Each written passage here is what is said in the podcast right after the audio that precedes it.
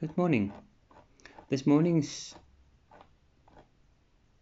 title for my scripts, for my scripture, for my for my sermon is to live spirit filled. And I want to read to you from Ephesians 5, verse 15 to 20. Be very careful then how you live, not as unwise but as wise, making the most of every opportunity, because the days are evil. Therefore, do not be foolish, but understand what the Lord's will is. Do not get drunk on wine, which leads to debauchery. Instead, be filled with the Spirit, speaking to one another with psalms, hymns, and songs from the Spirit.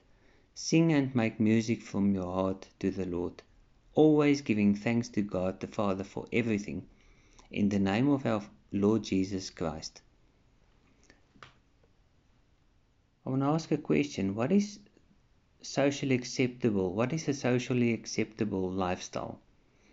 I think we're so set on human rights that we forget to teach our children what is right. I always thought that my household is normal. The things that we do, our time, we we're very precise on time. Until our kids went to school and we get we got to know other people, other households as well. And I realized, you know what, there's a lot of things that we don't know.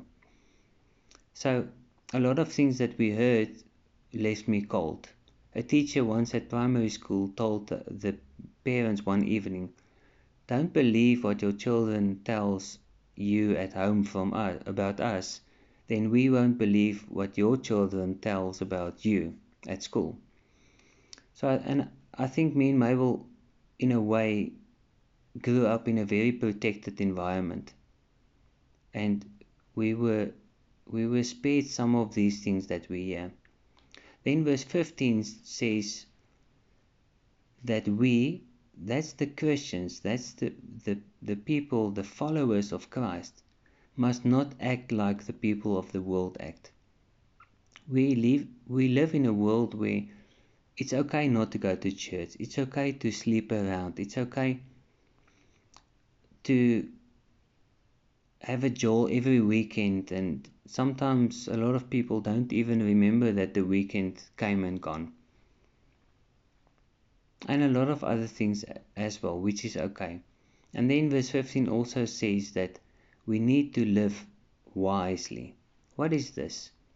Well, I think the only way to to learn how to live wise is to do a course or or two or three.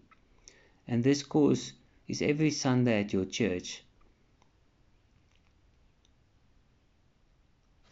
You've got God's Word with you when you're there, and it is supposed to give you guidelines on how to live.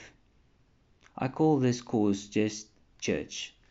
James 1 verse 5 says, If any of you lacks wisdom, you should ask God, who gives generously to all without finding fault, and it will be given to you. Each and every one of us need positive in, input in our lives on how to act because verse 16 says that we live in bad times. When we look on watch TV or watch TV program, we can see that we live in bad times. There's stories that we that we watch where there's a, a murder in each story. But it's okay. We watch this because it's a nice story. Everybody watch them. Then verse 17 says that we must not act foolishly. Foolishly is, is acting without thinking. And a lot of us act without thinking because that's how we act. No, we're supposed to act according to God's will. How do you know what is God's will for you? If you read your Bible, you will know exactly what God's will is for you. We were created according to God's image, and He is a God of a God of order. He wants you to think before you do, and it's it's much more difficult than what it sounds like. I'm very impulsive. I, I do things a lot of times without thinking. And you know what? According to the norm, that's acceptable. Romans 7:19, Paul writes, "For I do not do the good I want to do, but the evil I do not want to do. This I keep on doing."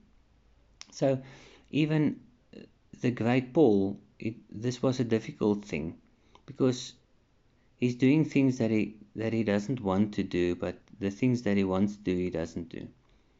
But you know what? We can say it's in our nature to do that. So um, let me be. A lot of people will say, you know what? I've I've been made this way, so leave me. No, the Holy Spirit can change you. But how? You need to to surrender completely, to hands up.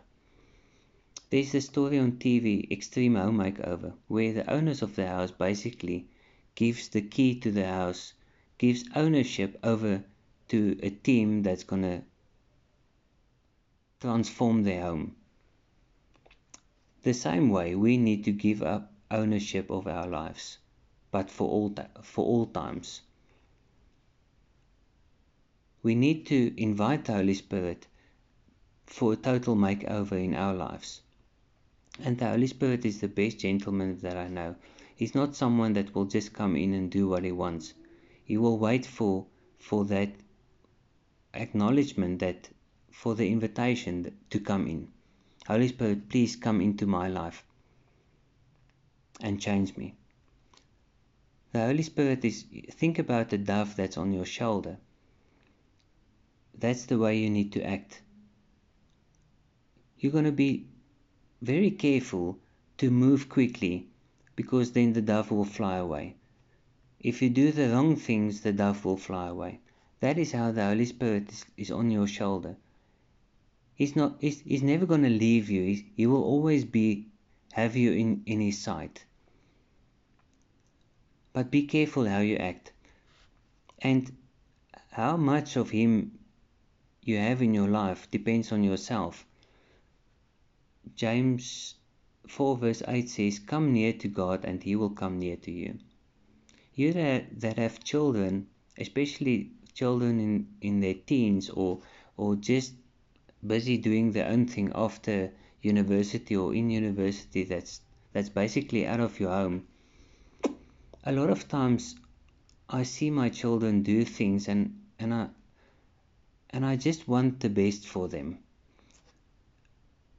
But I don't go and tell them, listen, you're doing this or this or this, do it, rather do it this way or this way or this way. I'll wait for them until they come and ask me, Dad, help, and then I'll help them. God wants to help us just as the same way that we want to help our children.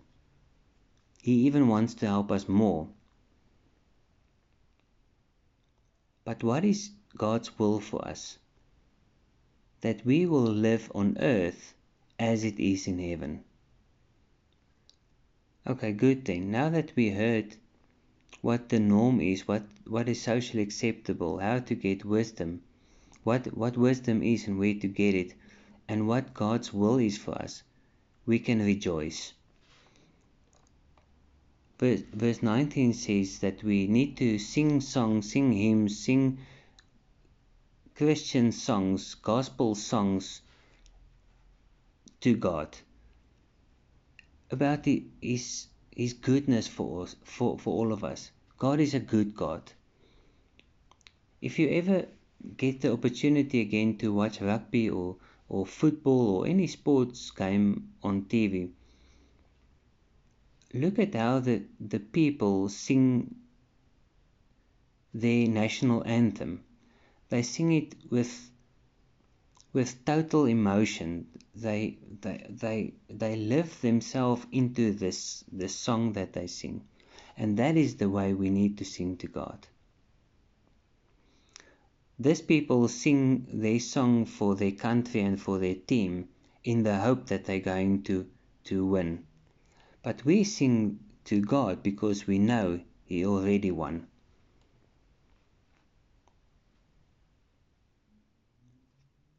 Galatians 5 verse 13 says, You, my brothers and sisters, were called to be free, but do not use your freedom to indulge in the flesh.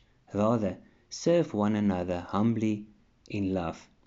Jesus died for each and every one of us on the cross so that we can live in freedom. Don't live in such a way that whatever he did on the cross is null and void. And then we need to be thankful.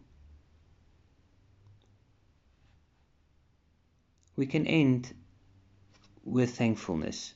I think in in all that we do, in all that we want, we need to thank God in the name of Jesus Christ, our, our Lord, for, for everything, for all, for everything that we've got, for our intellect, for our health, for finances, for our relationships, for families, for friends. Everything is a gift of God. He needs, He knows exactly what we need even before we ask it from Him. He wants to give us so much more than what we what we can even think to ask. Ephesians 3:20. He hears you and he acts on precise the right time, his time. What is the the moral of my story today? That we need to live a spirit-filled life. God wants to give you so much more as that which you think you should have. If you've put your hand up and accepted Christ as your Savior, your place at the table is set. You've been invited to the, to the feast. You don't need to sit on the floor and eat the crumbs like the dogs. Let us live then like royal people, the royals that we are. We are Im- we, we are children of the King then. Amen. Let's pray together. Father, thank you so much for your amazing love. Lord, thank you for your word. Thank you that we can learn from it. Father, for me it's a it's a learning process every day. Every day that I record a message, for me it's a learning process. Help me with that as well. Help me to live a, a spirit filled life. Holy Spirit, come into my life and change it the way it suits you. I know if it suits you, it will be more than sufficient for me. Lord, I'm praying for every person that listened to this message. I'm praying for them that they will they will go out and live a life of abundance. I pray it in Jesus' name. Amen. Shalom.